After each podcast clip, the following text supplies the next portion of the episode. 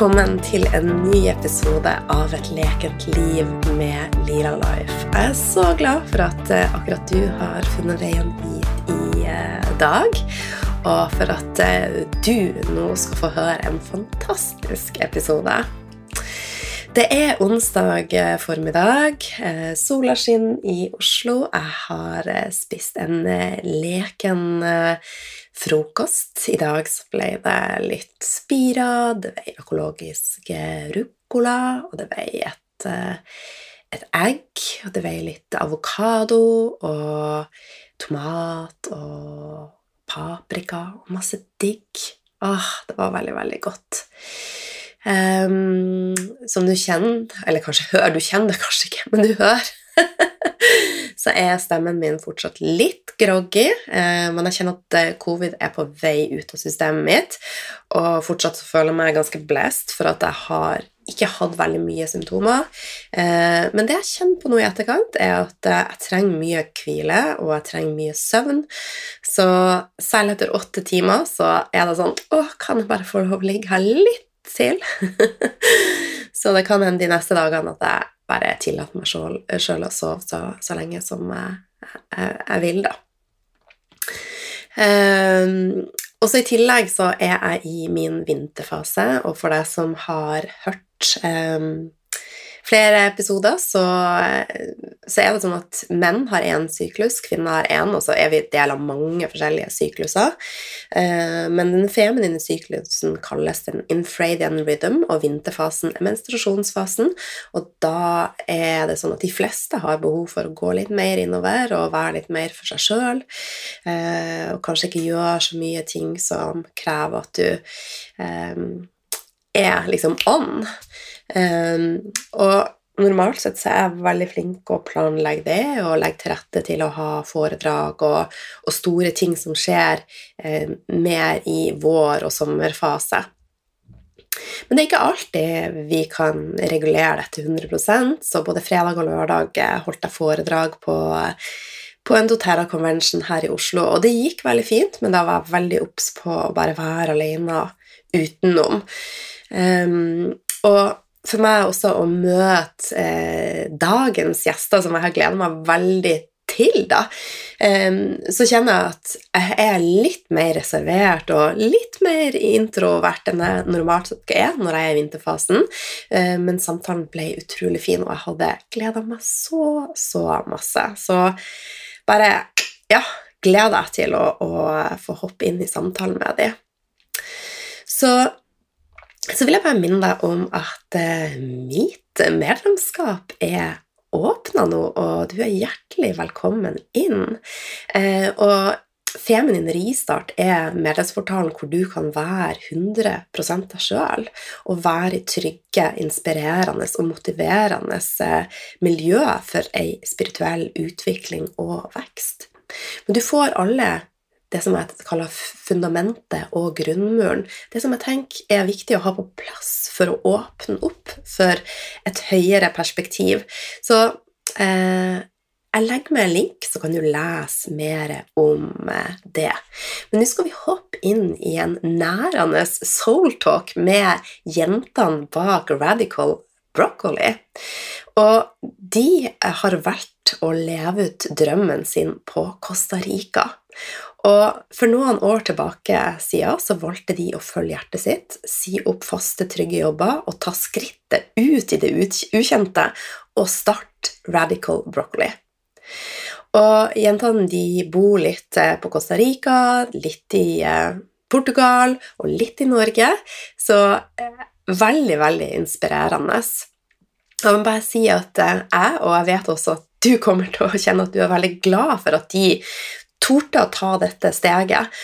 Og eh, for at det gjør jo at vi i dag kan få ta del av deres univers. Og eh, det som jeg har kjent på eh, når jeg hører på podkasten deres, er at de treffer meg på min frekvens og der jeg er, og som jeg har prata mye om frekvens, også det å høyne frekvensen. Eh, og når du da F.eks. hvis du har en drøm som har en høyere frekvens enn en, og det, Drømmer har ofte en høyere frekvens, eller har alltid det. Så det handler om å heve din frekvens, og at dere møtes. Og når jeg hører Anette og Susanne prate, så prater de rett til sjela mi. De treffer frekvensen min. Og de har en visdom som jeg gleder meg veldig til å dele med deg. Så vi snakker om skrittet ut i det ukjente. Vi snakker om livet på Costa Rica. Vi snakker om en bærekraftig livsstil og indre.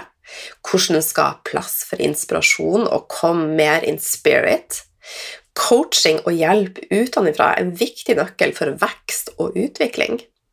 Hvordan eh, du kan sette ut i livet det du lærer, og rett og slett integrere det. Programmeringer og hvordan bryte begrensende tanker og finnes det egentlig onde og toxic people, eller er det noe som ligger bak?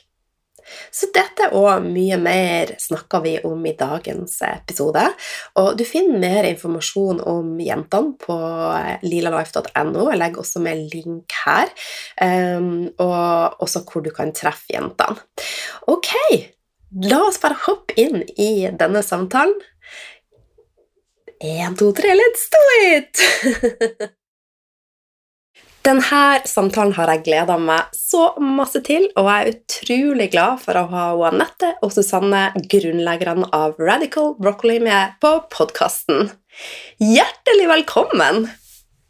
Tusen hjertelig takk. Det er eh, superhyggelig at du ville ha oss med i podkasten. Vi gleder oss eh, masse. Å, så bra. Aller, aller først, hvordan starta deres dag i dag? I dag startet dagen med eh, en veldig tidlig alarm klokken ti på fem. og da var det opp å gjøre seg klar for en eh, surfesession.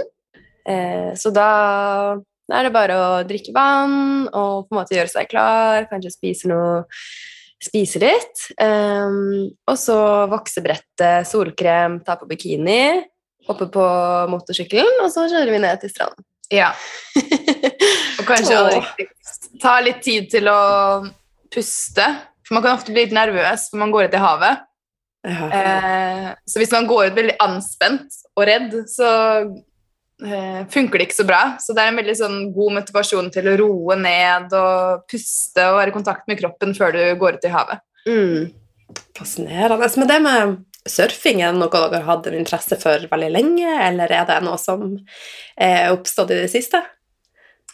Ja, vi har surfet i noen år begge to, eh, mm. her og der. Um, men det har ikke vært på en måte noe vi har kunnet virkelig gå inn i før det siste år, halvåret kanskje.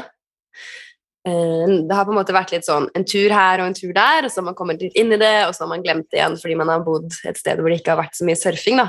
Mm. Men nå har vi virkelig kommet inn i en bra flow, og jeg har fått oss en god coach og skal øve nå så mye før jeg reiser hjem, i hvert fall. Så det er bare supermotiverende, og det er på en måte det prosjektet som kjennes skikkelig sånn spennende akkurat nå, da. Åh, så du har egen coach til uh, surfing? Mm. Vi har akkurat uh, hyret en superflink lokal uh, surfecoach her. Uh, hittil har vi bare gått alene og øvd selv, og så kommer du til et punkt hvor du kjenner at du trenger noen ja. som virkelig kan det, og som tar video, og som analyserer hva du gjør, og som Ja, for å komme oss til neste nivå, da. Uh, det, og det er skikkelig, skikkelig, gøy. Jeg er jo superfan av å ha hjelp. Um, både til indre arbeid og til sport, eller til hva det skulle være man trenger um, hjelp mm. til. Da. Jeg er helt enig. Helt mm. enig. Så i dag signa jeg opp til PT. ja! Herlig. Ja, selv om jeg er PT sjøl, så tenker jeg at ja. det er kjempefint å ha noen som kan ta oss til neste nivå. Ja, ja det er det. Ja. Mm. Du, Har dere noen faste rutiner som er med å sette intensjon for dagen? Jeg har en fast um, liten sånn avsnitt som jeg leser nå. Dette er veldig nytt, da, men jeg leser det hver morgen i 21 dager. Okay. Um, som er en liten sånn Det er egentlig en intensjon om noe jeg har lyst til å oppnå, og noe jeg har lyst til å frigjøre. Og, så, og det her har jeg også lært, da, at hvis du kan gjøre det hver dag i 21 dager, så trener du opp også hjernen til å tenke annerledes på det, og Mm. det er veldig sånn um, Ja, når jeg, når jeg sier til meg selv jeg skal gjøre det i 21 dager, og faktisk gjennomfører det, så viser det også at jeg virkelig, det er virkelig noe jeg har lyst til å gjennomføre. da. Mm. Mm. Men uh, bortsett fra det, så er det veldig mye om morgenen å prøve å komme inn i en rolig, positiv tilstand. Eh, noen dager er det sette seg ned og meditere helt stille, noen ganger høre på en eh, guidet meditasjon, som jeg syns er veldig deilig. Mm. Og noen ganger er det rett og slett at man våkner med mye energi, og det er deiligere å bare danse og sette på musikk og hoppe litt rundt. Um, men alltid gjøre et eller annet, fordi det er så lett å bare fly inn i dagen, og så glemme å på en måte sette intensjonen. Men jeg er ikke så veldig rigid på hvordan jeg gjør det, bortsett fra akkurat den her 21-dagers uh, Mm. affirmasjonen jeg har nå. Ja. Ja. Og, og det er noe med å gjøre rutiner om til vaner. Eh, Ja, og det ja. tror jeg er altså, Det tar ca. 21 dager. Så går det inn på rett og slett i underbevisstheten vår. Så det er jo Ja. så kult hva vi kan faktisk programmere oss sjøl til. Ja, vi er Mm. veldig fascinerende skrudd sammen, syns jeg. Ja, helt uh, amazing. Enn Ja. du, da? Altså, jeg, synes jo det, jeg har jo ikke møtt dere før, så jeg vet ikke forskjell. Og det hører jeg i podkasten at det er ingen som vet forskjellen på Anette eller Ja. Susanne. Hvem av dere er hvem? Jeg er Susanne, Anette som snakket nå om sin rutine, og jeg ehm, Jeg gjør også litt forskjellig hver morgen, men eh, det Mm. viktigste for meg er å aldri ha dårlig tid om morgenen. Jeg har alltid god tid, selv om man skal surfe klokken seks, så står jeg da heller opp fem for å vite at jeg har tid til å bare sakte åpne øynene og på en måte få ønske dagen velkommen. Eh, men jeg mediterer nesten hver morgen, eh, bare for å få komme inn i den positive tilstanden som Anette nevner. Og jeg kan ofte våkne med litt sånn Noen ganger så våkner man litt i den underbevisstheten med de der Mm. bekymrede tankene og liksom Det kan være noe frykt der, og litt sånn uidentifiserbare tanker. Eh, og så hvis jeg da mediterer tidlig, eller, eller skriver eh, i dagboken min, eller um, journaling, Mm. skriver jeg ned, så kjenner jeg at bare sånn Wow, nå har jeg lagt grunnlaget for denne dagen på en helt, helt ny måte, og da er jeg bare i så godt humør. så det er mye som kan snu i løpet av et par minutter på morgenen. Jeg er helt enig. Mm. Så rett og slett vel å få en god start er jo bare så fantastisk. Ja, og det er noe man må velge bevisst. Fordi hvis man snubler ut av senga, dårlig tid, er sur på alarmen, eh, ikke spiser frokost Altså Hvis man går ut helt ubalanse, så vil det bare ha en så stor sånn ripple-effekt utover. Mm. Eh, man blir negativ, kjipe ting skjer, det baller på seg, og så går det bare nedover i en spiral. Eller helt omvendt, du starter dagen, du føler deg fantastisk, du føler deg glad, du føler du kan gi noe til andre og stråle ut på en positiv måte, og det, bare vil, det går bare oppover, da. Mm. Mm. Ja, eventuelt så kan man ha en skikkelig dårlig dag, men fortsatt huske sånn åh, jeg kan være rolig i det. Altså, man kan Ja. ikke spinne helt ut av kontroll, for det er jo ikke sånn at bare fordi du mediterer hver morgen, så er livet perfekt. Ting skjer, men kanskje man klarer å liksom roe litt mm, hakket mer ned, vil jeg si, da, i Mm. det som skjer. Det er i hvert fall jeg har oppdaget med meg selv, at uh, jeg kan synes noe er fælt, men faktisk huske å puste. Sånne småting som virkelig gjør en stor forskjell. Mm. Mm. Å observere det som skjer, mer enn å gå inn i det og på en måte være dramaet, så kan man observere sånn Ok, nå ser jeg at jeg føler meg sånn og sånn, og det fører til det og det. Liksom ta et skritt tilbake og bare sånn Det er greit. Aksept. Ta det derfra. Mm. Så fint. Men nå bor dere eh, på Costa Rica. Eh, vi skal komme tilbake til det. Syns dere det er lettere å eh, liksom ha en sånn positiv mindset og klare å snu ting eh, når dere er i sola og liksom i det miljøet, kontra i kalde, mørke nord? Um, det enkle svaret er nok ja. Jeg tror det. Men jeg har også hatt perioder her som har vært utrolig utfordrende. Um, og sett Jeg trodde på en måte at Kanskje litt naivt at ja, men når man har det så fint i omgivelsene, så betyr det at alt er, kommer til å være bra hele tiden. Mm. Det er dessverre ikke helt sånn, men det er et fantastisk sted å ha en dårlig dag på. jeg syns kanskje det er det beste stedet, sånn sett. Um, og for meg så slet jeg mye med mørke Norge. Jeg syns det var vanskeligere å takle. Um, men jeg har også skjønt at vi er alle skrudd sammen så utrolig forskjellige hva vi trenger, og mm. hvordan kroppene våre fungerer, hva slags klima vi trives i. Så det var et veldig bevisst valg å tilbringe mer tid i solen. Mm. Ja, det skjønner jeg. Jeg flytta fra Bodø til Oslo, og for meg er det liksom en sånn her milevis forskjell. ja, det tror jeg på. Men jeg har planer om å komme meg videre, så vi får se. ja, spennende. Ja. Men dere, dere hoppa fra business og administrasjon og krigsstudier til å starte Radical Broccoli. Fortell oss litt om denne eh, reisa, og hva som gjorde at dere gikk fra det trygge, faste til å bare hoppe inn i det ukjente og det som er deres passion og drive. Mm, ja, det har vært en, eh, en vill reise. vi, vi, eh, ja, vi var begge to i helt forskjellige jeg skal si, livsveier. Jeg jobbet faktisk i Forsvaret, og Susanne holdt på med Du var akkurat ferdig med masterstudiene. Ja.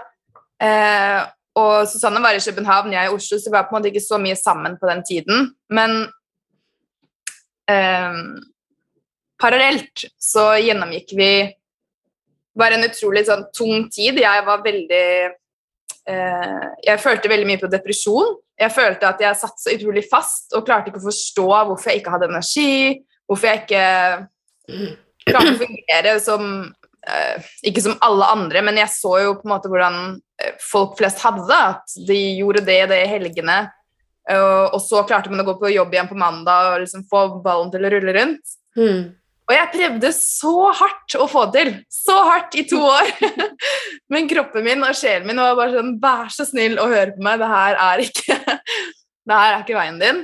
Um, så for meg så dro jeg den egentlig bare så langt at det var ikke noe alternativ for meg å leve et liv uten god helse. Uh, så til slutt skjønte jeg bare at nå tar jeg bare sjansen, sier opp jobben. Og um, før det så hadde vi startet Radical Broccoli på siden som et litt sånn passion-prosjekt. Ja. Um, så ja, da kan jeg fortelle parallelt eh, historie. Ja, um, ja, vi hadde allerede startet i gang med en blogg og Instagram og litt sånn, men vi hadde lagt det til side pga. mye jobb og skole. Men det var på en måte litt sånn som jeg tror ideer som er virkelig ment for deg, er at den lar deg ikke være i fred. Vil du gå for det? Ja. Eh, så det var nesten sånn Universet kom inn på alle mulige måter. Da. Både sånn med sånn helsenudges, men også med inspirasjon og liksom Jeg føler vi fikk mange visjoner av hvordan livet egentlig kunne være, da. Mm. Men først så var det utrolig sånn skremmende og overveldende når du har levd på en måte i 20 og noe år eh, og tror at du skal inn i en viss karrierevei. Eh, men jeg visste egentlig også underveis i studiene og da jeg skulle begynne å jobbe, at det her er ikke for meg. Eh, det gjør meg ikke lykkelig på noen som helst måte. Tvert imot. Jeg føler at jeg ikke heller bidrar med det jeg skal bidra med i verden. Og det var kanskje det som plaget meg mest. Mm.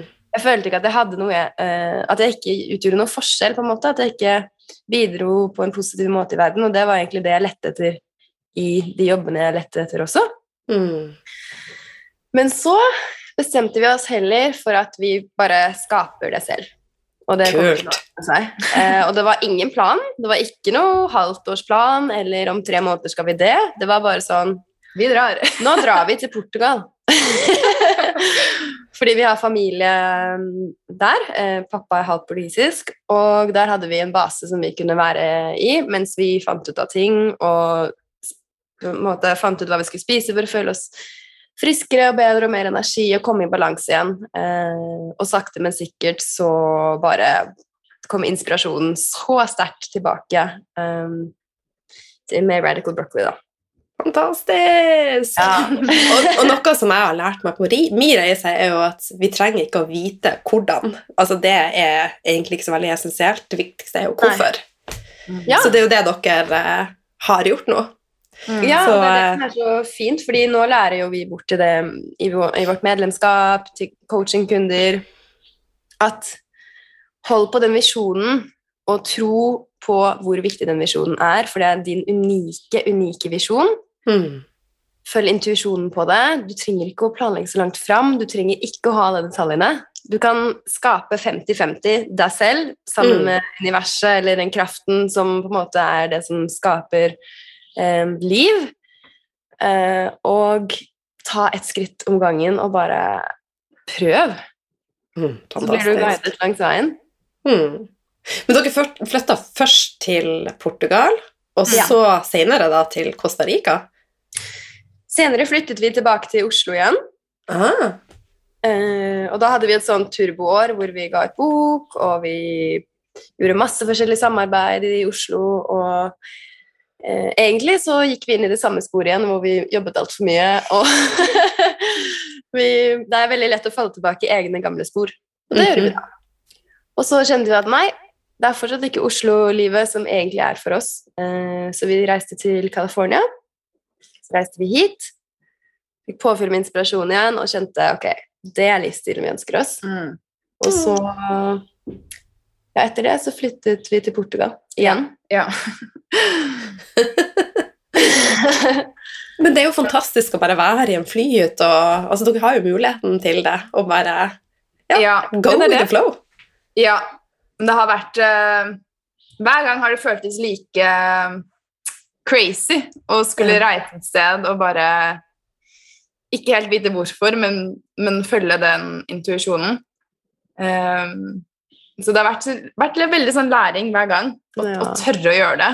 Mm. Um, finne det der motet inni seg, fordi jeg tror det høres lettere ut enn det det er når man står foran det, men allikevel så er det sånn, det gir så mye når man faktisk gjør det. Mm. Har dere en neste plan nå? I, ja, jeg har uh, en slags base i Portugal, hvor uh, jeg skal tilbake igjen dit om en måned. Ja. Det jeg ser for meg, har vinteropphold her eller i varmere strøk, og så resten av året i Portugal. Nice. Og besøke Norge, da, selvfølgelig. Men du da, Anette? Anette? Ja. ja, det blir noe lignende for meg også. Ja. Eh, Så det blir spennende å se. Jeg eh, ja, holder på å finne ut. Men dere, eh, eh, som dere sa, så kjente dere at dere trengte å gjøre endringer. Dere begynte å legge om kostholdet og leve en mer naturlig livsstil. Og Mm. som en forlengelse av det her, så kjente dere også at dere hadde et behov for å gå litt mer innover i dere sjøl. Vil dere Ja. fortelle litt? Ja, eh, det var egentlig Jeg tror idet vi startet Radical Broccoli, så oppdaget vi begge meditasjonen til Deepak Chopra og Opera. Husker jeg hadde en sånn 21 dagers meditation. Og det var bare så spesielt når Opera satt der og sa på en måte at det du drømmer om, det er ment for deg, og at du faktisk er ment å ha et godt liv. Jeg, jeg bare husker jeg syntes det var sånn Hæ?! jeg, jeg trodde oppriktig at livet var ment å være ganske hardt, og det så jo sånn ut på Det så jo sånn ut at det var sånn det skulle være. Mm. Eh, der hvor jeg jobbet og sånn Sånn som jeg Ja. Og så Så den indre reisen har på en måte alltid vært der. Mm. Men jeg tror det var først når vi kom hjem fra California og ble fast i Oslo under, da covid akkurat startet, da kjente vi begge sånn Wow, nå Nå vet vi faktisk ikke helt hva vi skal gjøre. Og vi var på et sted hvor vi kranglet veldig mye fordi vi ikke Vi krasjet sånn. Mm. Vi var fast i gamle spor igjen. Mm. Um, og vi, vi følte ikke at businessen fungerte, men vi visste vi måtte jo være i Oslo. Og eh, det bare føltes ut som en sånn indre eksplosjon som holdt på å skje. Mm. Så da fikk vi tips da om ehm, fra Tiril, eh, som startet Oslo Raw, som har jobbet med en som heter Billy. Og vi tenkte bare Jeg husker jeg bare var sånn Yes, let's go! Jeg bare føltes så riktig. Ante ikke hva jeg signet meg opp for.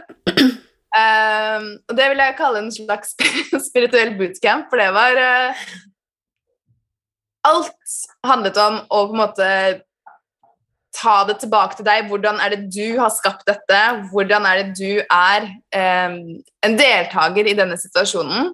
For jeg tror vi begge hadde en veldig tendens til å se på ting utenfor, og så skylder man på ting utenfor seg selv. Mm. Og så mister man jo også da veldig mye power, da. Ja. Så det var en uh, utrolig lærerik periode der. Ja. Utrolig hard. Hvor vi også måtte lære For vi har vært så tette, vi må også måtte lære å skille hverandre, skape våre egne liv, våre egne uttrykk.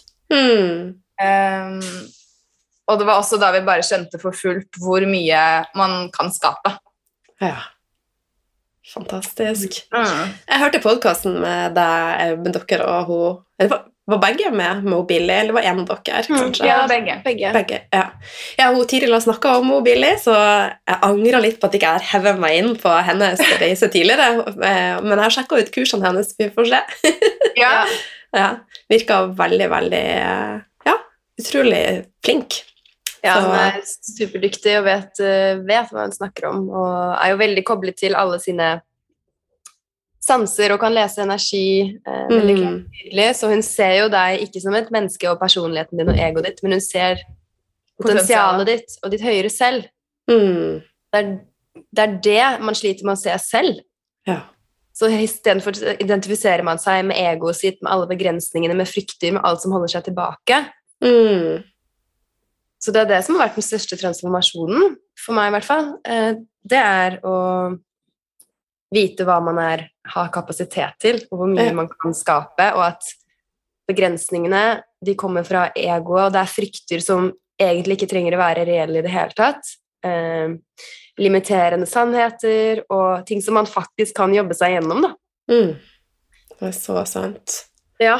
Ja. Så egentlig så var korona en sånn døråpner til deres indre, da, på en måte. ja, jeg vil si sånn For å virkelig gå all in. All Ja. in.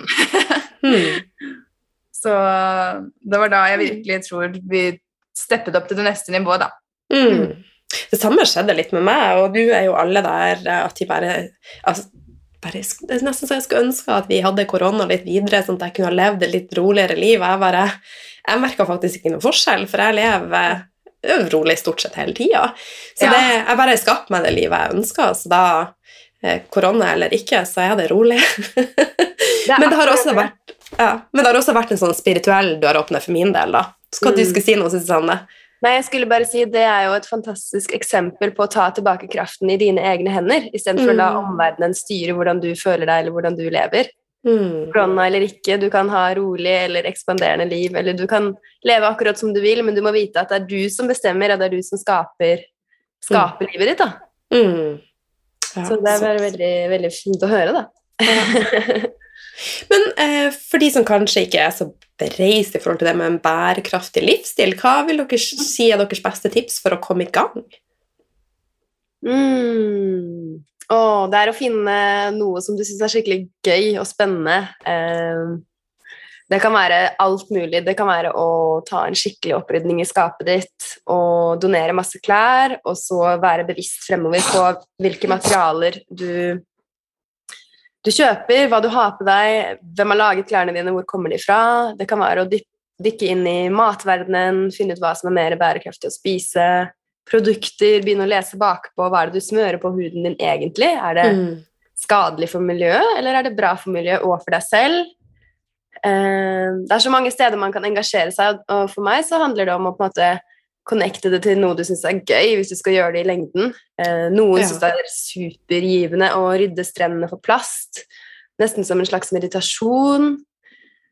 Um, og ja, det er bare det er, Og noen liker å dumpster dive, ikke sant? Vi er veldig forskjellige. Absolutt. Hva er det artigste dere gjør, da, sånn som dere ser i sånn bærekraftig øyemed? Jeg tror kanskje matfronten, eh, å lage så, hovedsakelig plantebasert mat, da, og vite liksom hvor det har lavere fotavtrykk, men også å ha åpnet døren til en verden hvor det finnes så utrolig mange ingredienser. Mm. og lære å lage mat med planter og urter og grønnsaker og frukt og frø og bønner og nøtter, og det er bare sånn Det er en helt annen måte å lage mat på enn det jeg gjorde for kanskje seks år siden, da. Mm. Eh, men jeg syns også det er veldig gøy med klær og produkter og eh, Ja, vi Mm. Egentlig veldig mange deler av bærekraftig livsstil. Mm. Hva med deg? Ja, mat er gøy, og så liker jeg også veldig godt følelsen av å ha ryddet opp. Um, å vite hva jeg eier, og vite hvilke klær jeg har, hvor, hvor det kommer fra. Mm. Det bare føles så godt på veldig mange nivåer. Ja, veldig. Mm. Ja, jeg er helt enig. For eh, det er vel to år siden så solgte jeg stort sett alt jeg eide. Ja. Men jeg er jo veldig fortsatt glad i å shoppe, da, så det fylles jo litt opp, da. Så jeg Ja. har, har fortsatt noe å jobbe med. ja, Men det er en prosess. Det er liksom er det. sesonger sånn, man fyller litt på, og så donerer man litt ut, og så inn og ut. Og nå er det jo, var det jo nettopp vår, eh, vårhjemdøgn, så det er egentlig en perfekt tid nå eh, å ta en skikkelig opprydning hjemme, rydde skapene og på en måte ha det fokuset med sånn bare beholde ting som virkelig gjør deg glad, og som på klesfronten som du føler deg skikkelig fin i, og ikke Mm. ha ting i skapet som man ikke føler seg så fin i. Og det er så viktig. Ja, Og også som vi føler oss bra i. Mm. veldig. Eh, som er komfortable, som du føler deg flott i, sånn at du liksom hele tiden du ærer deg selv på den måten. Da. Du respekterer deg selv og setter deg selv såpass høyt i verdi at uh, det unner du deg. Da. Så Mm. Ja. det har vi holdt på med litt her de siste dagene. Ja. Ja. Trykk, eh, Selger dere unna via Tice eller noen sånne type ting? Mm, ja, i Norge bruker Tice veldig mye. Mm. Uh, og vi også, jeg også solgte unna alle tingene mine før jeg eide før jeg dro. Er ikke det en ganske sånn deilig følelse? er så frigjørende. Ja. Og så oppdaget jeg hvor mye jeg beholdt bare sånn Nei, men den fikk jeg av onkelen min. Så er det sånn Så du har den som du ikke bruker for å please onkelen din. som- Altså, så mange, rare, mange rare ting man bare holder på. Så det var veldig sånn frigjørende på alle mulige måter å, å, å selge unna, gi slipp. Eh, også en gammel versjon av deg. Mm. Det er litt sånn, ha det bra, nå er det noe nytt. Men jeg er på ingen måte sånn Jeg har ikke én gaffel, jeg er ikke minimalist. Jeg, også, jeg elsker klær og elsker vakre ting, men jeg bare Nå elsker jeg også å ha kvalitet, og jeg vet hvor sinnssykt mye tid det tok å rydde. Så jeg vil ikke ha masse ting som jeg bare må rydde ut igjen. I know the feeling. Ja. Men dere um, Jeg har hørt en podkastepisode der dere prata om det å komme in spirit, og der dere kobla faktisk det å rydde med å skape plass. Kan ikke dere fortelle litt om den prosessen? Ja. Ja, det handler om hvordan å finne inspirasjon. Mm. Eh, og det, det er på en måte vår viktigste hva skal man si, milepæl. Altså, det er der vi kan skape virkelig fra hjertet. da. Der hvor vi Mm. får inspirasjonen. Mm.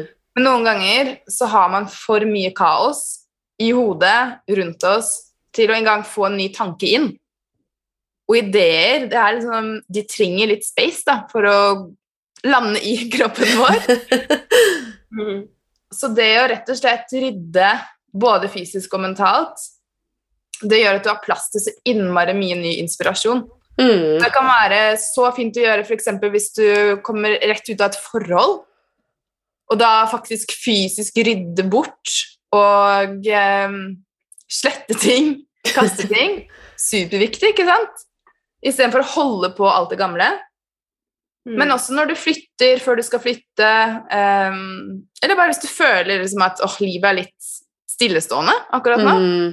og flytte litt på energi, på ting, det gjør virkelig at man kan få ny livskraft. Er, jeg syns det er helt fascinerende hver gang hva som skjer. Mm. Er jo bare det også. Fylle opp med blomster og ha litt eterisk olje, f.eks. en diffuser, eller altså mm. Sånne ting gjør jo også en stor, stor forskjell. Ja, Ja. virkelig. Lage litt sånn sanctuary hjemme. Mm. Det er jo veldig sånn Det hjelper oss veldig også, oss damer, å komme inn i den feminine energien. Mm. Mm. Det er så viktig. Ja, koble på alle sansene. Men tilbake til det å kaste ting, da. Så når Ja. dere f.eks. har gått ut av et forhold, så pælmer dere av gårde alle brev og alle bilder, og så er det liksom Nå går vi videre?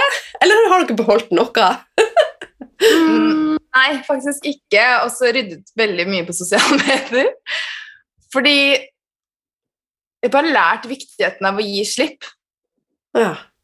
Eh, og det er klart, noen er man jo fortsatt venner med. Det er jo ikke sånn liksom, at alle forhold ender i katastrofe. Men, eh, men det er også noe med liksom du, har du virkelig vilje til å la det gå? Altså, hvordan skal noen nye få plass da, hvis man alltid holder på det gamle? Det tatt meg uendelig lang tid å forstå. Og jeg hadde fortsatt ekser som dukket opp i drømmer. Og jeg var sånn 'Hallo, jeg prøver å gi ordentlig slipp her.' og så bare 'Aha, jeg følger deg fortsatt på Instagram.' Ja, da må jeg slutte. Så bare kjente jeg sånn Wow, den prosessen må gi slipp. Den, den er faktisk ganske viktig. Um, så ja, jeg vil si at Nå ble jeg litt inspirert her, for at uh, jeg har altså på Kvesten Ja, men nå bor jeg både i Bodø og Oslo, da, men der har jeg også ja, kassa med, med, brev fra ekser og sånn. Men man blir jo litt sånn sentimental. Men man kan jo ta et bilde av det viktigste om så, da. Ja.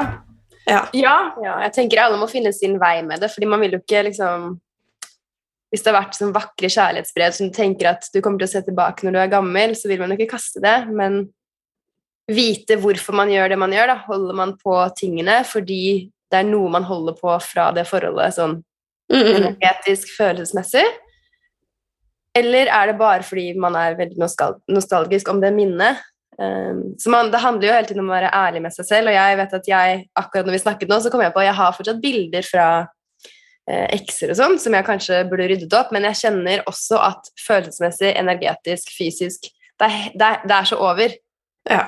Så det plager meg egentlig ikke eh, så mye, men allikevel så tenker jeg nå, når vi snakker om det Jeg skal, jeg skal rydde opp.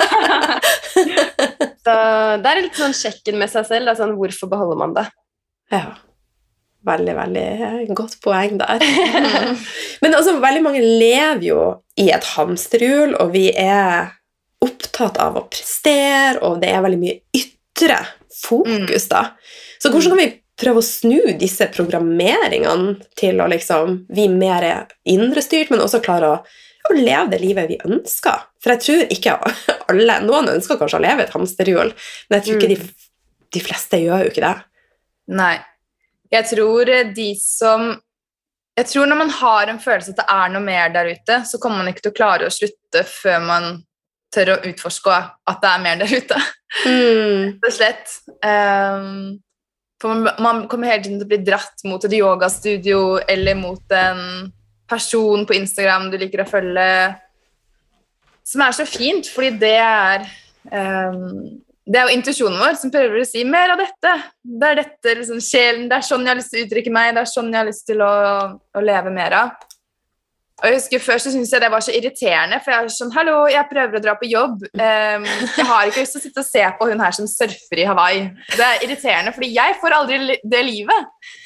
Og nå skjønner jeg bare sånn Wow, jeg, jeg tillot meg ikke engang å drømme. Fordi jeg var sånn Nei, nei. Jeg kuttet den av med en gang, for jeg trodde ikke det var mulig.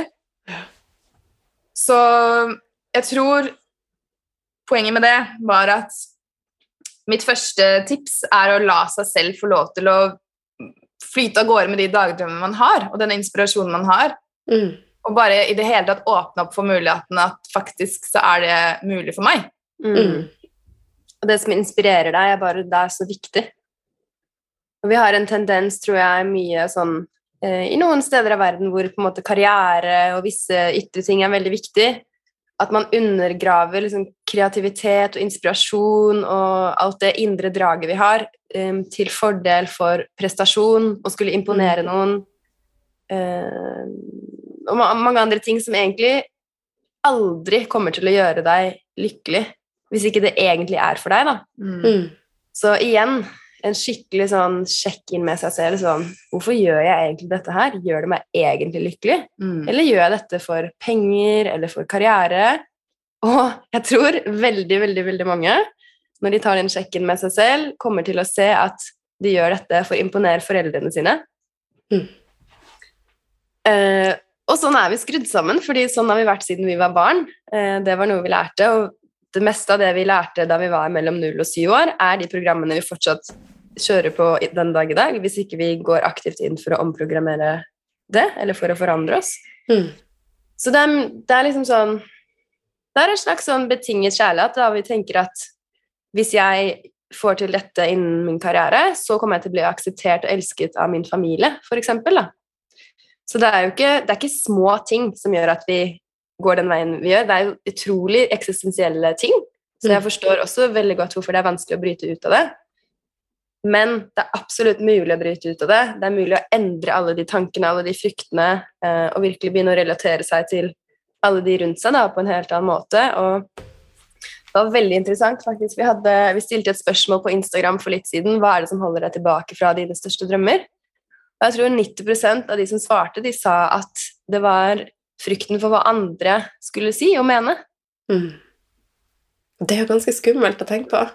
Ja, og da blir jeg bare sånn Tenk hvor mange mennesker med de mest fantastiske ideer, liv, drømmer, mm. ting de har lyst til å gjøre, skape, som virkelig kan gjøre verden så fargerik og så fantastisk, holder det tilbake fordi de er redd for hva andre skal si. Og andre, andre er jo bare en illusjon, ikke sant? Mm. Men jeg skjønner det så godt. Det tok meg ja. Det tok meg jeg tror, eh, fire måneder fra jeg hadde bestemt meg for å si opp, til at jeg turte å si opp jobben. Mm. Ja. Så det var en prosess rett og slett sånn innvendig? Litt frem og tilbake, ping-pong i hodet og Skikkelig. Og vi turte jo nesten ikke å legge ut på Instagram. I begynnelsen så la vi ut helt anonymt. Det tok lang tid før vi turte å, å vi, si hei, dette er oss, vi har skapt det her. Så å bryte gjennom alle de tingene, det har vi virkelig jobbet så hardt med. Det er derfor vi kan si som Det er mulig, fordi hvis vi klarte det um, Og det satt så hardt i. Ja. Så hardt i. Og vi har jo blitt Måten vi har blitt oppdratt på med kjærlighet, men det var liksom karriere. Det var eh, Superhøye ambisjoner. Ja, virkelig. Hvordan, hvordan, har reaksjonene da til foreldrene deres vært? Det har vært uh, veldig, veldig fint. Ja. Um, men det har vært på, på, grunn av måten vi har gått inn i det også. Um, på en måte hvor vi ikke har bedt om lov eller aksept eller deres uh, guiding når vi skulle gå en annen vei. Vi kunne ikke gjøre det, for da hadde vi satt oss selv opp i en felle, rett og slett. Mm. Fordi de kunne ikke helt forstå, ikke sant? Så da måtte vi heller bare gå for det, og så heller se senere sånn uh, hva vi har skapt. Og da kunne de forstå, da kunne de være med, og de er superstøttende, og de, de elsker det vi gjør. Mm, Men hadde vi spurt dem om vi skulle gjøre det fra starten, så tror jeg aldri de hadde anbefalt oss det. Nei, de, jeg tror de var superbekymret Uh, ja. det første, første året. Mm. Og det er fair, for de, er, altså, de vil jo gjøre alt for at barna sine skal ha det bra. og det er, Sånn er det med alle foreldre. Så det er litt sånn Ikke be om lov fra foreldrene dine.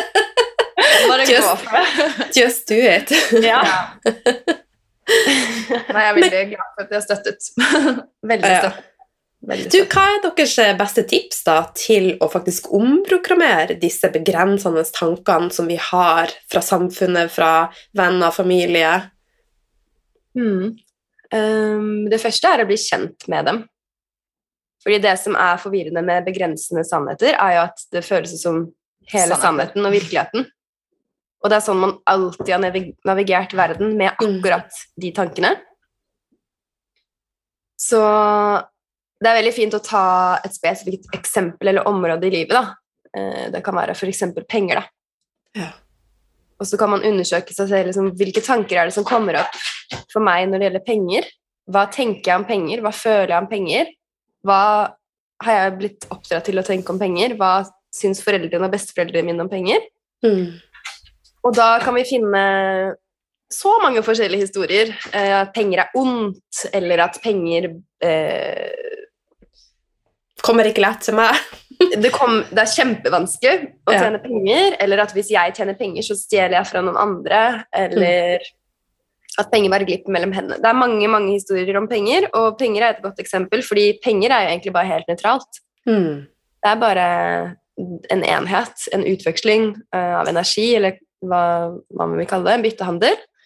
Um, så det som knytter oss følelsesmessig til penger, er jo våre alt vi tror og har lært om det. Mm. Det vil da også forme vår virkelighet, hvor mye penger vi faktisk har, hvor lett det er for oss å tjene penger. Og, og dette er noe vi jobber med hele tiden. Eh, en superprosess. Og ja, du spurte om eksempler til å omprogrammere. Mm. Ja, det første er å bli kjent. Eh, bli kjent med dine egne eh, konsepter og sannheter rundt ting. Og så er det å ta tak i det derfra og vite at dette er ikke sannheten egentlig.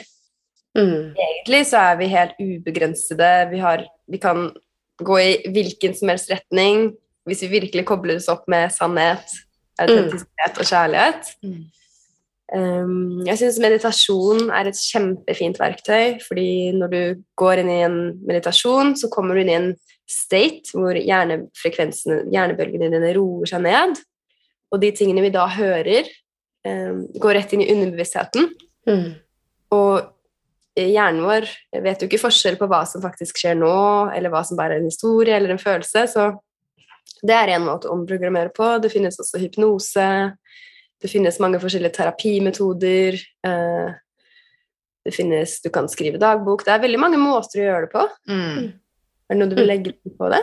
Ja, jeg tror mine to beste anbefalinger er en slags hypnose, hvor man går inn i underbevisstheten. Um, og, man, og den kommer til å vise deg hvor programmene kommer fra. Det er veldig fort, egentlig. Og Mm. så kan man jobbe med det derfra. Mm. Og så er det også jeg Og det å få hjelp, eh, å få hjelp til dette her, for det er, det er tungt. Det er hardt arbeid. Mm. Det er det. Eh, ja, stikker. Noen ganger så dukker de opp i 15 forskjellige versjoner, føler jeg. Mm. Ja. Så det å få hjelp til noen som kan det, og som kan gi deg den tryggheten og motivasjonen eller det dyttet til å faktisk gjennomføre det, Mm. det har vært så verdifullt, i uh, hvert fall for meg. Og jeg føler at jeg har fått igjen så mye for det. Fordi når de limitasjonene, når den tanken har blitt omprogrammert, så har jeg f.eks. tjent mer penger, eller eh, kommet over en stor frykt. ikke sant? Det kommer tilbake så uendelig mye mer. Mm. Um, så det har alltid vært en utrolig bra investering, da. Um, så jeg tror kanskje det er mitt beste tips, å få, rett og slett få hjelp. Mm. Men mm. bare å starte et sted, da. bare starte med å skjønne liksom, wow, Mm. det her tenker jeg om og om igjen. Det er faktisk ikke sannheten. Jeg er ikke dømt til å være sånn for alltid. Ja. Det er veldig lettende å vite. Ja, ja. Jeg er så veldig glad. Mm. Jeg begynte hypnose forrige uke, så det er veldig spennende. Fantastisk! Hvordan er hypnose da? Oh, jeg er jo så dårlig å huske navn. Um, det skal, jeg kan ta finne det frem. Ja, Hun er Så- engelsk! Så jeg husker ikke hva, det, hva navnet heter. Og Anniken Binds, hvis dere kjenner til mentaltrener Anniken Binds, har Ja. samme utdannelse. Så hvis dere vet hva hun har. Ah, Ja. Ja. Fantastisk. Men jeg skal ta og, og finne det, da. Ja. Så når vi snakka om penger, så jeg var på posthuset like før jeg møtte dere, og så skulle jeg sende en pakke til Danmark, og så fortalte hun som vi om, å hun begynte å prate om å spare penger. Hun fortalte Ja. at mannen han kjører nå rundt i Oslo på, hele tida på søken etter billigst mulig bensin. da. Så sa hun at han bruker jo mer bensin enn han noen gang har gjort, da, for at han drar og kjører. Så, så det er sånn her det er jo bare igjen et bevis på en begrensende tanke som bare er så ødeleggende, egentlig. Ja, fantastisk eksempel. Ja, veldig. Og det er sikkert noe som han har lært av sine foreldre eller besteforeldre. Da, at det er det man gjør. Man går til det billigste stedet, koste hva det koste vil, og så Ja, ja. bare gjør man det. Fordi det er det man vet. ja. For Jeg returnerte ei bukse som ikke fikk meg til å føle meg bra. da. Og så Ja. kom jeg på posten og sier hun, men du hadde kanskje tjent mer bare på å selge denne buksa. Jeg bare, nå er jeg kommet hit, jeg sparer tid, jeg går ikke hjem med buksa. Og det var da den historien kom, Ja. om en mann som for og ja. Men dere sier jo at eh, ofte så har vi begrensende tanker på hva vi kan oppnå, eh, våre drømmer. Men hva kan vi gjøre? Eh, for at vi kan jo klare å nå hva som helst. Hva kan vi gjøre for å heve vår frekvens og faktisk komme dit at vi matcher energien på drømmene våre? ja. Jeg tror her må man bare rett og slett hoppe i ting. Mm. Det er ingen vei utenom. Det er sånn, ja, Man kan gjøre sinnssykt mye meditasjon, men før du tar skrittet og faktisk gjør eh, tingene, så, så kommer det faktisk ikke til å skje så mye. Du må ut av døren. Um, og da bygger man så enormt mye selvtillit. Man ser hvor mye man kan få til, og man skjønner hvor egentlig deilig det er å feile også, fordi du prøvde i hvert fall. Og man lærer noe annet, og kanskje ikke det var for deg. Så jeg tror bare det å, å begynne å ta action um, Og det, er også, altså det heter jo, det er jo love attraction, og så er det love action. Du må på en måte sette energi i gang. Mm. Få snøballen til å begynne å rulle. Så det, det er faktisk noe jeg selv er veldig stolt av, for jeg føler veldig mange ganger så gjør jeg ting eh, istedenfor å bare snakke om det. Mm. Og jeg tror også det er derfor eh, jeg har på en måte utviklet meg fort fordi jeg har måttet, fordi jeg har kastet meg utenfor ting. Ja. og man nesten måtte ta igjen liksom, nervesystemet og få på plass alle brikkene, men det måtte skje fort, fordi jeg var liksom allerede i gang med det jeg skulle. Mm. Så det å tørre å ta disse stegene, um, det er så utrolig viktig. Mm. Og med steg mener jeg sånn Har du, har du en drøm da, om å starte egen bedrift, så sånn, start en Instagram-kontoen. Eller hva det er. Bare sånn, gjør disse tingene for å, for å komme i gang. Mm. Fordi hvis man sitter og venter, så går det plutselig to til tre år, og så har det ikke skjedd noe, så angrer du, og så ja, blir det litt stagnert, da. Ja, Mm. veldig. Um, men det er, eh, det er skummelt. Og så mener jeg også Jeg tror kanskje de vanskeligste sånn action-tingene jeg har gjort, er jo de hvor det er i personlige mm, relasjoner. F.eks. hvis man er omringet av en venn som man vet ikke er helt bra. Eh, det føles ikke godt å være med de og de menneskene. Og faktisk da tørre å ta tak, da. Mm. Enten er det en person du må snakke med, eller å tørre å si nei. Um, tørre å ikke være med på ting, f.eks. Mm. Tørre å være hjemme en kveld. Altså, det er sånne småting også, eh, som Mm. ikke er lite i det hele tatt, egentlig. Det er stort. Mm. The, joy of, the joy of missing out. Ja, den er utrolig fin. Så, og sånne ting også, det, det hever bare frekvensen din, fordi du setter pris på deg selv. Du gjør ting fra et sted av kjærlighet til deg selv, Mm. eh, og da må eh, universet matche det samme. Ja. Mm. Men det er en, sånn, en slags sånn loop der, sånn når du tar det actionsteget, da. Eh, la oss si det handler om en relasjon, og du alltid er en people pleaser, og du alltid prøver å tilgodese av andre før deg selv. Når du tar den actionen og er sånn Ok, nå skal jeg sette meg selv først, så det er fantastisk å ta den action, og det kommer til å gjøre at du kommer til å skjønne og kanskje koble tilbake hvor det kommer fra i deg. Sånn alltid ta det tilbake til barndommen eller til veldig tidlig alder i livet, så kan man ofte se hvor man har skapt det mønsteret fra starten Mm. Så vi jobber alltid sånn, da. Indre, ytre, indre, ytre hele tiden. Ja. Uh, for eksempel meg selv, da. Uh, å skulle si fra om ting har vært så utrolig utfordrende fordi uh, jeg ble født nummer to og liksom skulle ta mindre plass og hele tiden være liten og alt det der. Og når man da skjønner at «Å, det er derfor jeg gjør det, så kan man ta det derfra og for første gang kanskje la, den, la det programmet gå. Mm. Og være bare sånn Ok, det skjedde, men fra her og nå så velger jeg at det er ikke sånn jeg kommer til å leve lenger, for nå er jeg bevisst. Nå Mm. vet jeg. Og nå vet jeg hvorfor jeg gjorde det. Jeg tilgir meg selv for at jeg har behandlet meg selv sånn. Eh, her og nå er det en helt annen måte å håndtere saken på. Mm. Fine svar, altså. Vi har veldig mange tanker, tror jeg. Jo, men det var liksom når jeg starta høre podkasten, så var det akkurat som dere For at når mennesker er litt på samme vibe og samme frekvens, da, så blir det liksom Man skjønner hva folk prater om. Mm. Eh, og ja, kanskje Så det, var, det er veldig fint. Jeg liker det. Måten dere snakker på. Så, og en annen ting som dere har hørt dere snakker om, er det å embody og ting og faktisk For veldig mange hører podkaster, de går kurs, de gjør leser bøker, men de, de, de setter ikke ut i action. Eh, De integrerer ikke det. Mm. Så, og det hører jeg jo at dere gjør, da. Hva kan vi gjøre for å få ned motivasjonen til å faktisk bare ja, eie de her tingene vi lærer, da? Mm. Ja, det er så utrolig viktig. Jeg tror det kan gjøres på veldig mange måter.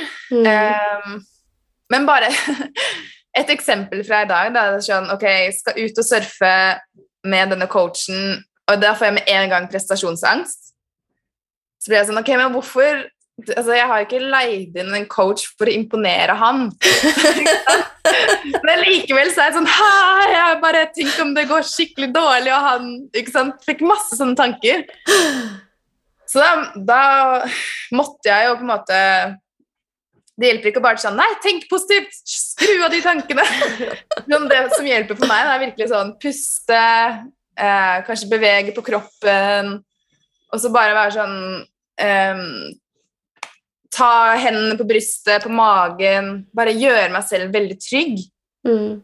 Og bare tenke sånn Ok, det var et lite barn inni meg som var kanskje redd for å skuffe faren min da jeg var liten, eh, som kom fram der. Og så bare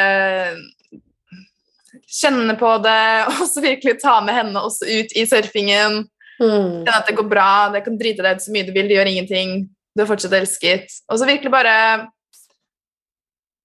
føle det sterkt, da, vil jeg kalle kanskje en annen måte å si det på. Jeg vet ikke helt om det er en god forklaring, men eh, Mm. For hvis jeg bare hadde tenkt tanken, så vet jeg ikke om det hadde vært nok til å få nervesystemet mitt til å roe seg ned.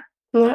Men jeg virkelig liksom åh, wow! Det var den som kom opp, og virkelig kjenne på det og lar, eh, lar det få plass. Så så vet ikke, Det bare forandrer hele energien min, og jeg klarte å puste, og jeg klarte å konsentrere meg, og jeg klarte å ha det gøy. ikke minst. Fantastisk. Ja. Ja. Så Love it. jeg- Love it, love it! ja. Det handler mye om nervesystemet, vil jeg si, når det gjelder embodiment. Mm. Eh, og jeg tror vi noen ganger glemmer hvor viktig det er å ha et balansert Eller prøve å ha et balansert nervesystem. Fordi Mm. det er så mange ting som skjer hele tiden. Kastet opp og ned, og en mail kan jo sette oss i fight, flight, freeze-modus. Mm. Mhm. Sette oss ut, og hjertet begynner å slå. Og det er jo på grunn av det samme som vi snakket om i stad, at kroppen og hodet vårt vet ikke om det er realiteten om vi er i fare, eller om det bare er en liten e-post eller notification. Så Mm. Å finne en måte som funker for seg selv, med pust og ro, og liksom komme i balanse, det er så viktig, også når det gjelder manifestering eller å oppnå ting. Eh, fordi hvis man hele tiden er i stressmodus, det er ikke en, det er ikke en høy vibrasjon heller. Ja. Eh, og så er det den andre delen av embodiment som er viktig å nevne, det er å prosessere følelser gjennom å bevege seg, og at ikke energien stagnerer i visse steder i kroppen, og sånn at man begynner å få vondter eller knip eller stivhet. Man kan på en måte bevege eh, følelser, eh, la dem flyte gjennom kroppen, for det er det de er. De er bare en energi som egentlig skal passere gjennom Mm. eh, som vi kan ta tak i på den måten, eh, som gjør det også veldig mye lettere å håndtere f.eks. sinne, da. Eh, Istedenfor at vi tar sinne ut på liksom, den som kjører forbi oss på gata, liksom smeller på bilen deres og bare tar det ut sånn, så kan vi velge å gjøre det på en mye mer bevisst måte. Vi kan ta ut sinne hjemme, vi kan bokse i puter og bli Mhm. ordentlig sinte. Mm. Og jeg tror det alle, de aller fleste av oss vet jo hvor lettende det er etterpå. Mm. Eller gråte. Og noen Ja. ganger har man så mye emosjoner som bare man har trykket ned. Altså Noen ganger så bare kan jeg gråte hver dag en uke strekk. Det er så mye tårer som må opp. Ja. Um, Det er jo liksom- befriende! Ja. Ja.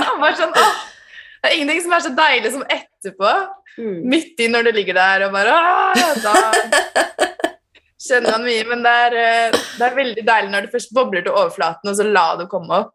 Ja. Det er jo sånn vi som du sier, det er sånn vi hever vibrasjonen vår. For vi kan ikke hoppe fra kjempesint til verdens mest positive enlightened eh, kjærlighetsvibrasjon. Men vi kan prosessere gjennom en og en følelse og komme ett og ett lag opp, Mm. opp, opp, opp. opp. Mm. Gå fra sint til lei seg, fra lei seg til liksom frustrert, fra frustrert til ok, fra ok til rolig, fra rolig til Altså vi kan virkelig ta den trappetrinnsmodellen, da. Mm. Og ikke undervurdere hvor mye som koker og rører seg inni oss, som vi ofte prøver å holde nede, da, fordi det er igjen som vi har vokst opp, at ikke gråt så mye nå, eller ikke vær så sint. Ikke vær så svak. Nei, ikke vær så mye. Ja. Det går bra, ikke sant? Så det er sånn, ja, det går bra, men det er faktisk bare kjempesunt å gråte når man er lei Mm. seg, eller å være sint når man er sint. Eh, Mm. Så det er, sånn, det er jo litt å vokse opp eh, gang nummer to. Ja, det er det. Oppdragelse nummer to. Ja. Ja. I dag så hørte jeg en, en veldig fin podkast Jeg har hørt mye podkast i dag, altså. Eh, men det var Vi er eh, På morgenen og kvelden så er jo veldig mye Altså, vi er flinke å liksom legge til rette for en bra start på dagen og en bra avslutning. Men tipset til hun her som hørte på, var å i alle overganger i løpet av en dag altså sette av ett minutt til meditasjon eh, for å få nervesystemet ditt på plass. Hun hadde en supertravel eh, hverdag, og jeg og hennes hadde hele tida fortalt jeg har ikke tid til det her minuttet. Men hun ja. sa at det hadde upgrada hele businessen og livet hennes med å ha ett minutt mellom alle overganger og bare wow. nullstille seg. Så det syns jeg var liksom kraftfullt. Ja, veldig. Og det skal jeg ta med meg videre i dag, skjønner jeg. Mm. Ja, for da det, nøytraliserer du litt sånn energien fra det du nettopp gjorde, før ja. du går inn i det nye, istedenfor å på en måte dra med seg masse mm. følelser, eller hva det skulle vært. Ja. Så fint. Mm, jeg syns det var et veldig fint tips. Eh, vi har vært så vidt innom det med barnet i deg. Hva mm. er deres beste tips til å komme i kontakt med barnet i deg og heale det for at programmeringer som kanskje ikke har gått helt som det skulle, og Mm. Ja. Um, og dette jobber jeg faktisk veldig mye med Vi driver med coaching også eh, til andre. Mm. Og det er en av de første tingene vi pleier å gjøre, er å rett og slett connecte med det indre barnet. Bare la henne eller han få lov til å ha styringen litt. Mm. Um, kjenne etter hva var det jeg likte å gjøre når jeg var liten, når jeg trengte å føle meg trygg. Hva var det jeg likte å spise? Eh, hva slags musikk var det jeg likte å høre på? Og bare virkelig la det indre barnet få lov til å leve ut litt og vite at uh, det er ikke glemt. Mm. Jeg tenker, altså sånn, sånn, som det har vært på mitt tilfelle, så har jeg vært uh, utrolig streng med meg selv. Sånn, det var ikke plass til noe sånt noe. Um, ikke, ikke, ikke plass til lek, ikke plass til moro. Veldig alvorlig. Uh, så det for meg å bare få kontakte med det barnet, også for å vite liksom, Wow, noen passer på deg. Du er trygg. Du trenger ikke å ordne absolutt alt selv hele tiden. Mm. Det har vært en stor le lekse for meg. Mm. Um, for jeg har vært så vant til å bare Det var liksom ingen andre som gjorde det, så da må jeg gjøre det. Og da kjenne etter sånn Wow, tenk Liksom, tenk om du bare ble tatt vare på nå, og så gi den kjærligheten til meg selv igjen. Mm. Og noen ganger kan det se ut som sånn Når jeg har lyst på iskrim og Netflix og bare liksom ligge i en hule og kose meg. det kan det være. Eh, andre ganger kan det være sånn Bare dra til å danse eller leke eller ha det, ha det moro. Ikke ta alt så seriøst hele tiden. Mm. Um, og andre ganger kan det virkelig være sånn at jeg må bare huske på å gi meg selv så enormt mye omsorg som jeg ville gjort um, til meg selv når jeg ser på et bilde av meg selv som fem-seksåring. Jeg ville jo ikke mm. kjørt henne sånn som jeg kjører meg noen ganger. Og ha verdens største forventninger. Jeg ville jo tatt det veldig med ro, akseptert alt som kom fram. Eh, så det er, det er, noen måter jeg liker å connecte med det indre barnet på. Mm. Som jeg virkelig har forstått har vært enormt viktig for meg uh, for at jeg skulle forstå min feminine side, rett og slett. Lære meg å motta. Lære meg å motta komplimenter, f.eks. Det var mm. kjempevanskelig. Til jeg skjønte liksom Wow, du kan eh, lene deg tilbake i ting. Du kan føle deg trygg. Og det jobber jeg med fortsatt. Masse. Jeg syns fortsatt det er eh, megautfordrende. Eh, men så deilig når man husker det. mm. Ja. Fine innspill her. Um, en ting som jeg også har tenkt litt på, er jo at um, mennesker, når vi opererer ut fra oss sjøl, og hvis vi ikke har fått heala traumer mm. og ting som har vært vanskelig, ja. så vil vi jo da ta um, action som ut fra barnet i oss, da. Mm. Uh, og sånn som nå, så er det jo veldig mye som skjer i verden, og, og det, er så mye snakk om ondskap og onde mennesker. Um, men når alt kommer til alt, finnes det onde mennesker? Hva tenker dere? Mm, jeg tenker at uh, ingen mennesker er intensjonelt onde. Det er ingen som har lyst til å gjøre andre mennesker vondt, sånn egentlig på vårt sjelenivå, da. Nei. Men noen av oss kommer jo hit eh, og opplever de mest grusomme ting når vi er små. Føler oss totalt uelsket eller gjennomgår vold eller fysiske traumer eller ting som virkelig setter dype spor. da. Mm. Hvis sånne ting aldri blir prosessert, så kan jo det komme ut i de mest voldsomme handlinger da, eh, senere i livet og gå utover massevis av mennesker. Så det er derfor det også blir så viktig, dette arbeidet som vi snakker om i dag. da. Mm. Virkelig jobbe gjennom sine egne traumer og vite hvor stor effekt det har på alle rundt seg. Eh, Men også kunne sende så mye medfølelse og kjærlighet til folk som gjennomgår utrolig vanskelige ting, fordi vi vet aldri 100% av noens historie hvorfor de oppfører seg som de gjør. Så ja, handlinger kan være grusomme og ondskapsfulle, men jeg tror ikke at noe menneske egentlig har lyst til å utføre sånne handlinger. Og jeg tror det er helt forferdelig å være inni en sånn kropp og en sånn opplevelse. Eh, Mm. Fangenskap. Mm.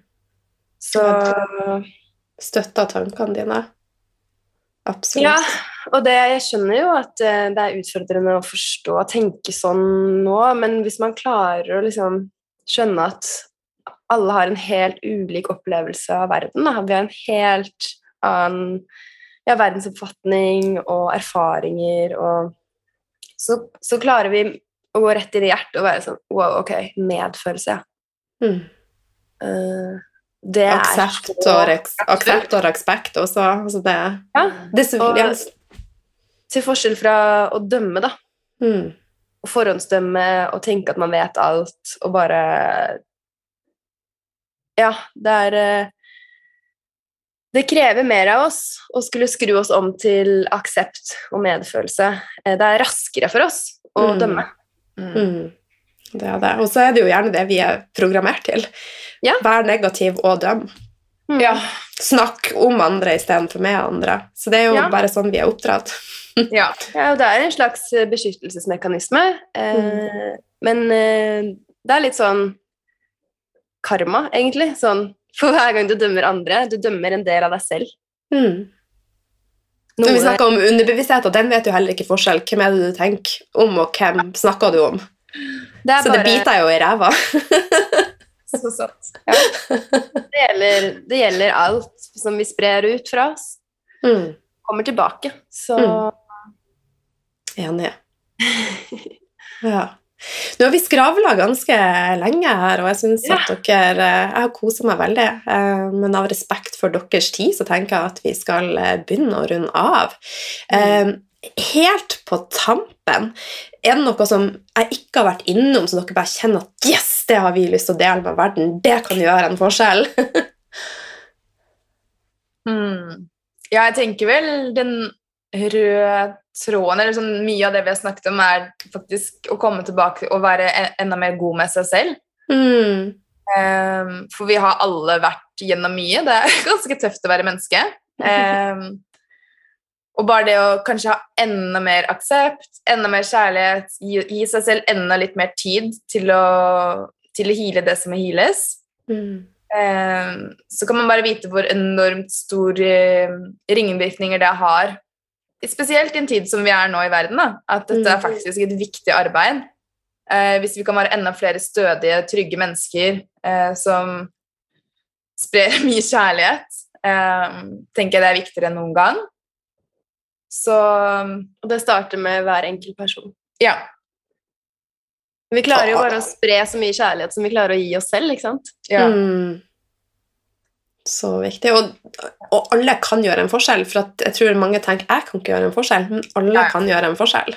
ja. Det er akkurat det samme som å ta vare på miljøet. Det er som alle små handlinger de gjør en forskjell. Det gjør en forskjell å smile til personen i butikken. Ja. Da har du gjort noens dag fantastisk, som igjen gjør at de vil smile til noen andre, som gjør deres dag fantastisk, og så har du hele ringvirkningene av det. Så lett kan det være. Ja. Og det kan være stort, det kan være i et kompliment. Se mennesker, møte dem der de er. Spre god energi. Eh, ikke falsk god energi, bare sånn genuint, ekte eh, Ja, en klem. Det kan være så enkelt. Ja. Ja. Siste spørsmål. hva gjør dere skikkelig glad? Åh. Oh, det var koselig spørsmål. Ja. Jeg tenker litt. jeg tror, og det er så mye Jeg blir skikkelig glad av eh, gøye opplevelser, sånn som å surfe. Da er det sånn jeg kan smile i timevis etterpå.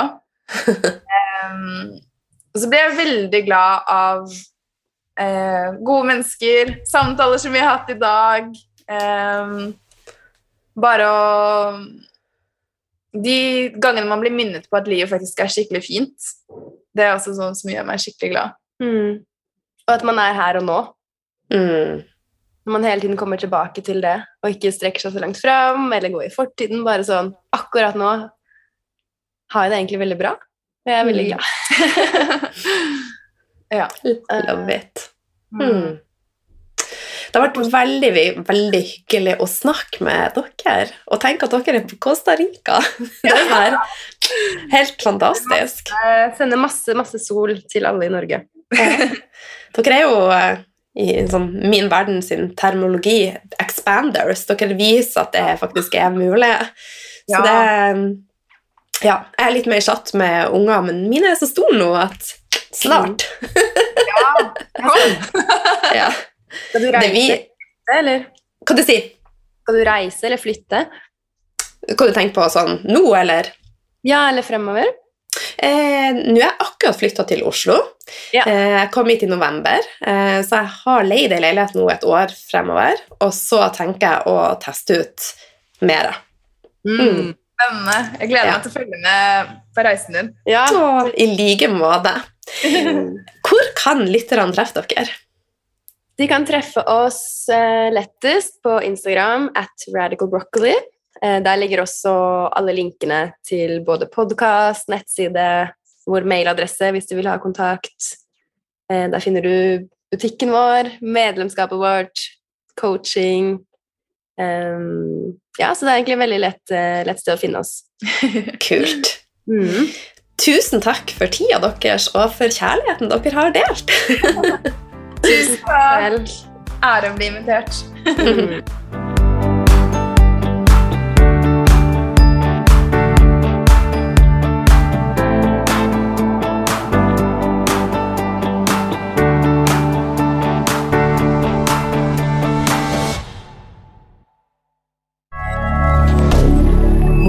milliardaire